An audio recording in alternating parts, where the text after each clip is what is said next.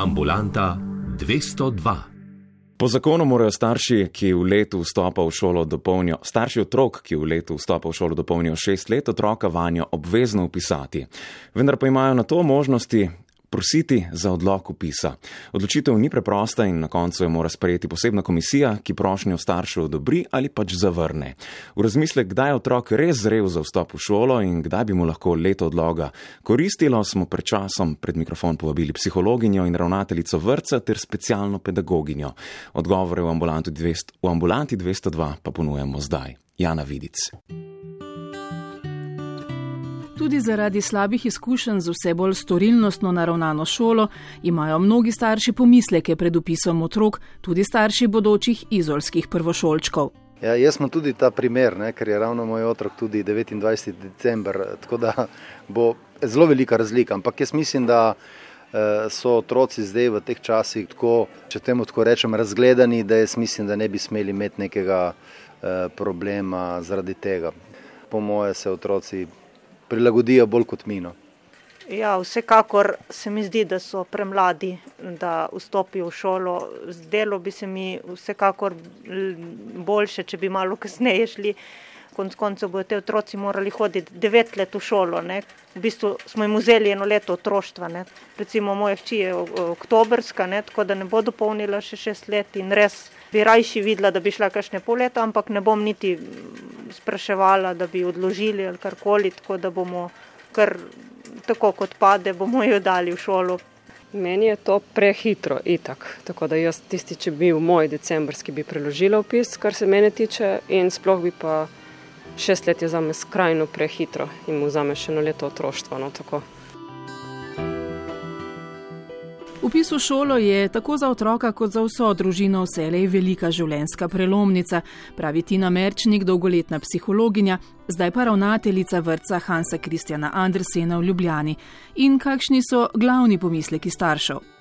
Glavni razlogi so gotovo to, da otrok ne dosega vseh tistih razvojnih značilnosti, ki so potrebne za šolo. Šola je psihično in fizično bolj obremenjujoča, predmetnike drugače, na ne manje počitka. Se pravi, tukaj se v vrtu stvari bolj prilagajajo posameznikom, tam je bolj skupinsko delo, ne naloge konc koncev tudi počitka kot tacga ni. Tako da v veliki večini primerov gre za ugotavljanje, da otrok ni zrel za šolo in da bi mu s tem, ko podaljšajo eno leto vrca, pomagali, da dozori na različnih področjih, lahko tudi samo grafomotoričnih, da bo lažje potem dosegel cilje, ki jih zahteva šola. Nekoliko lažje je tistim, ki imajo s konkretno šolo in šolskim sistemom že izkušnje. In mama drugorojenke z primorske je zato lažje odločna. Smo se že odločili, zdaj čakamo, če nam bojo ugodili. Ne? E, zato, ker je punca velika, zrela za marsikaj, čustveno pa še ni še, ni še ta prava za iti v prvi razred, za vse tisto, kar jo čaka v prvem razredu. Sigurno je odvisno od vsakega otroka, ampak e, imamo starejšega fanta še in e, je šel s šestimi po pol in takrat smo videli, da je to to, ker takrat se je dolgocajt v vrtu, je že dal tisti vrtec, ga je prerastel takrat je bil potem pripravljen za šolo, kar naša ta mala še ni. Čeprav je vsak otrok svede zase in je treba res individualno presuditi, kdaj je zanj in za njegovo družino pravi čas za vstop v šolo, je kar nekaj mejnikov, ki so pomembni pri tej presoji. Doktorica Vanja Kisvarda je specialna pedagoginja in profesorica na pedagoški fakulteti Univerze na Primorskem. Ja, prav gotovo otrok mora uh, biti sigurno telesno nekako dovolj čvrst, da zmore napore, ki jih šola pravzaprav pričakuje od njega. Uh, to navadno oziroma vedno ocenijo tudi uh, zdravniki otroški na specialističnih pregledih. Uh, potem pa mora imeti seveda otrok tudi določene osebnostne lastnosti, ki so že do te mere lahko razvite ali pa bi morale biti, da bo kos v šoli v bistvu se tudi podrejati nekemu uh, urniku, ritmu dejavnosti, ki ni vedno samo na njega naravnana. Ne. To prav gotovo pomeni, da mora nek čas igre podaljšvati, da mora poslušati, slediti navodilom, upoštevati tudi ta navodila. Uh, gotovo je pomembno tudi, da v bistvu se na nek način zna ustavljati, eh, ne more biti vedno on najprej na vrsti ne? in da dejansko obstaja ta ritem delovnega časa in odmora, ne? da je treba počakati, da učitelj najprej pove, pokaže, potem narediš svoje, vprašaš, kadar prideš na vrsto, ne vedno čista prvi trenutek. Tina Merčnik še opozarja, da so bolj od obsega znanja in intelektualnega razvoja, ki starše pogosto skrbita, za vstop v šolo pomembnejši drugi vidiki. Velikrat gre za čustveno nedozorelost, tudi socialno nedozorelost. Se pravi, da otrok večkrat joče, da ga spremembe hitro uh, spravijo stira, da se še ne znajde v socialnih stikih, v smislu se ne zaigra, se drži zgolj odrasle osebe. Včasih pa tudi telesno. Se zgodi, da imamo otroke, ki so zelo šipki, tudi ne zmorejo veliko fizičnih naporov, rabijo več počitka, to pomeni spanja, čeprav so stari šest let, pa to ni počitek v smislu pol urce, ampak spanje urco dve. Se pravi, zelo individualno je. Gre pa za to, da je nek del njegovega razvoja toliko še v zaostanku, pa seveda ne zaskrbljujoče, se pravi, v enem šolskem letu se bi ga dal nadoknaditi, da bo otrok bolj okrepljen, da bo suvereno šel v šolo. Pogosto navaja na razlog za morebitni odlog šolanja, da se otrok veliko in od vsega najraje igra, pa ne pomeni nujno nezrelosti. Ker otroci se tako tako igrajo, tudi potem še do desetega leta, gotovo, da je včasih še premalo časa se jim dopušča za igro.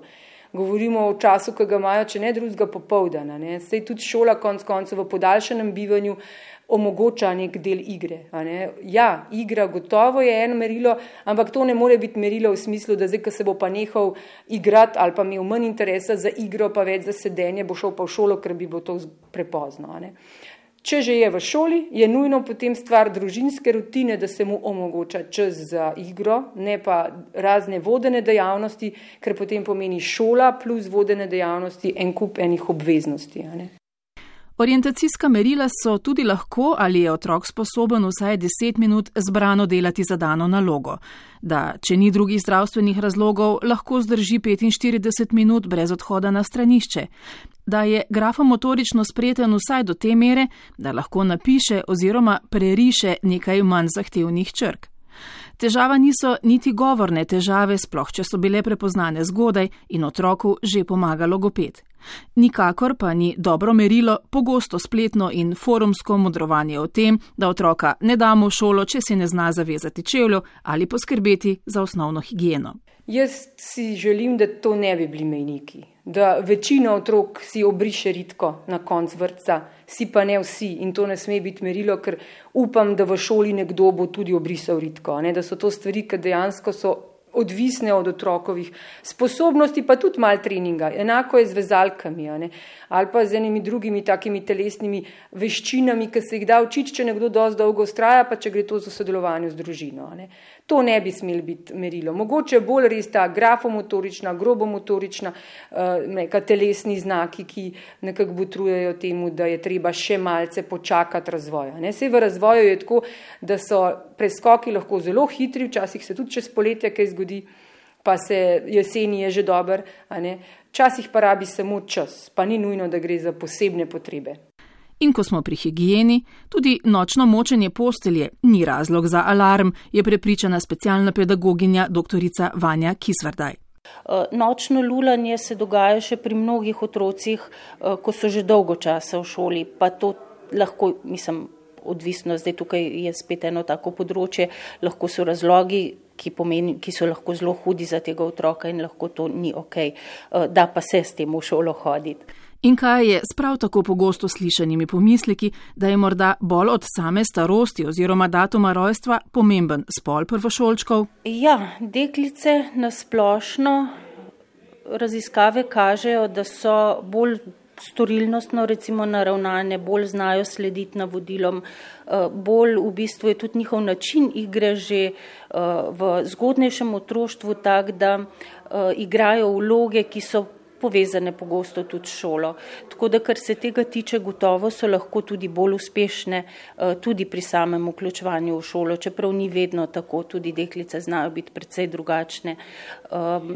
dečki pa se usmerjajo v bolj konstruktivne igre radi in je lahko tudi mogoče so bolj samoinicijativni ali pa bolj ustvarjalno, mečkan drugače razmišljajo, pogosteje še v tem obdobju.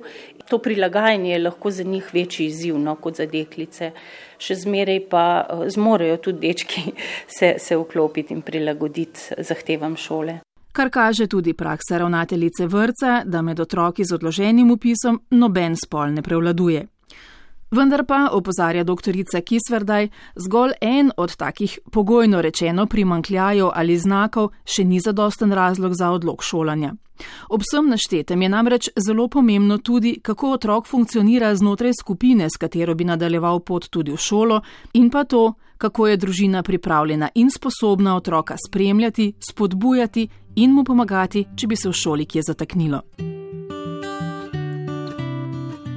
Glavno vodilo in osrednji cilj pa naj bo vselej najti rešitev, ki je najboljša za otroka, je prepričana specialna pedagoginja. Kajti, ko dodaja psihologinja in ravnateljica Tina Merčnik, izkušnje kažejo, da včasih žal prevladajo drugi interesi. Najbolj napačen razlog, ki ga v zadnjem času večkrat slišimo, je gotovo to, da si starši skušajo z odlogom šolanja kupiti eno leto, ko so prosti obveznosti. Zavedajo se morda iz od starejših otrok ali pa od nekih prijateljev, da šola pomeni določeno popovdansko obveznost, da pomeni to tudi en reden stik z inštitucijo, da tudi dejansko so otroci, a ne bolj obremenjeni, jih je treba spremljati, zvezke pogledati in tako naprej.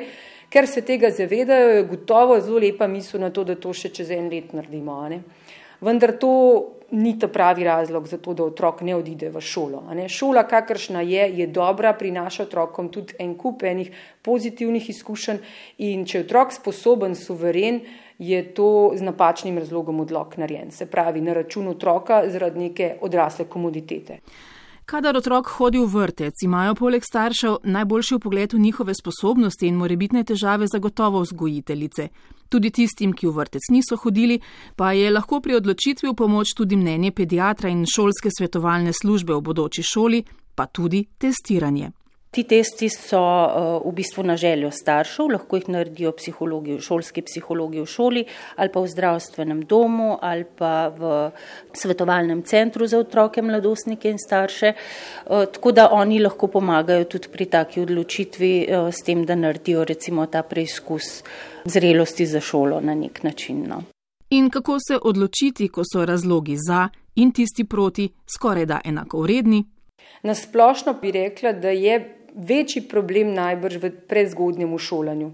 Zgolj z razloga, da če otrok manj opremljen, se pravi razvojno prihaja v en tak sistem, po domače rečeno bo vse čas capljal za svojimi vrstniki in to posredno pa tudi direktno vpliva na njegovo samozavest in potem to poveže z vsemi ostalim razvojem. Torej, če je ne samo zavesten, bo tudi manj motiviran in bo manj nekih teh izzivov se drznil in bo seveda spet začaran krog v tem, da bo še bolj v bistvu zaviral razvoj.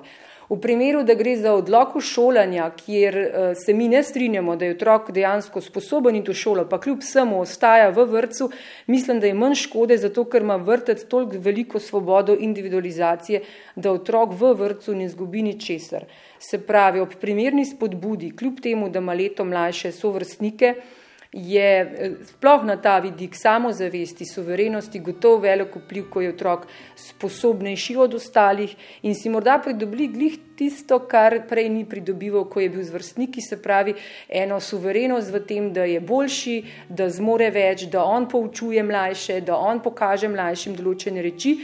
In se pravi, ta notranja samozavest je gotovo veliko več vredna kot en intelekt, zna pisati ali zna brati v tej dobi šestih, sedmih let.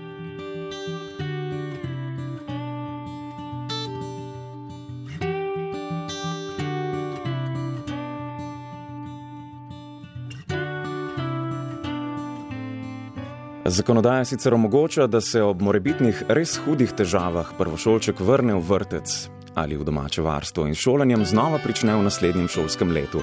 A kot opozarja doktorica Kisvardaj, bi lahko bila taka odločitev za otroka zelo stresna in mu dejala povsem napačno sporočilo. In prav zato je odločitev staršev bodočih prvošolčkov v prihodnih dneh in tednih o res premišljenih razlogih za morebiten odlog šolanja za otroke tako zelo pomembna. Ambulanta 202.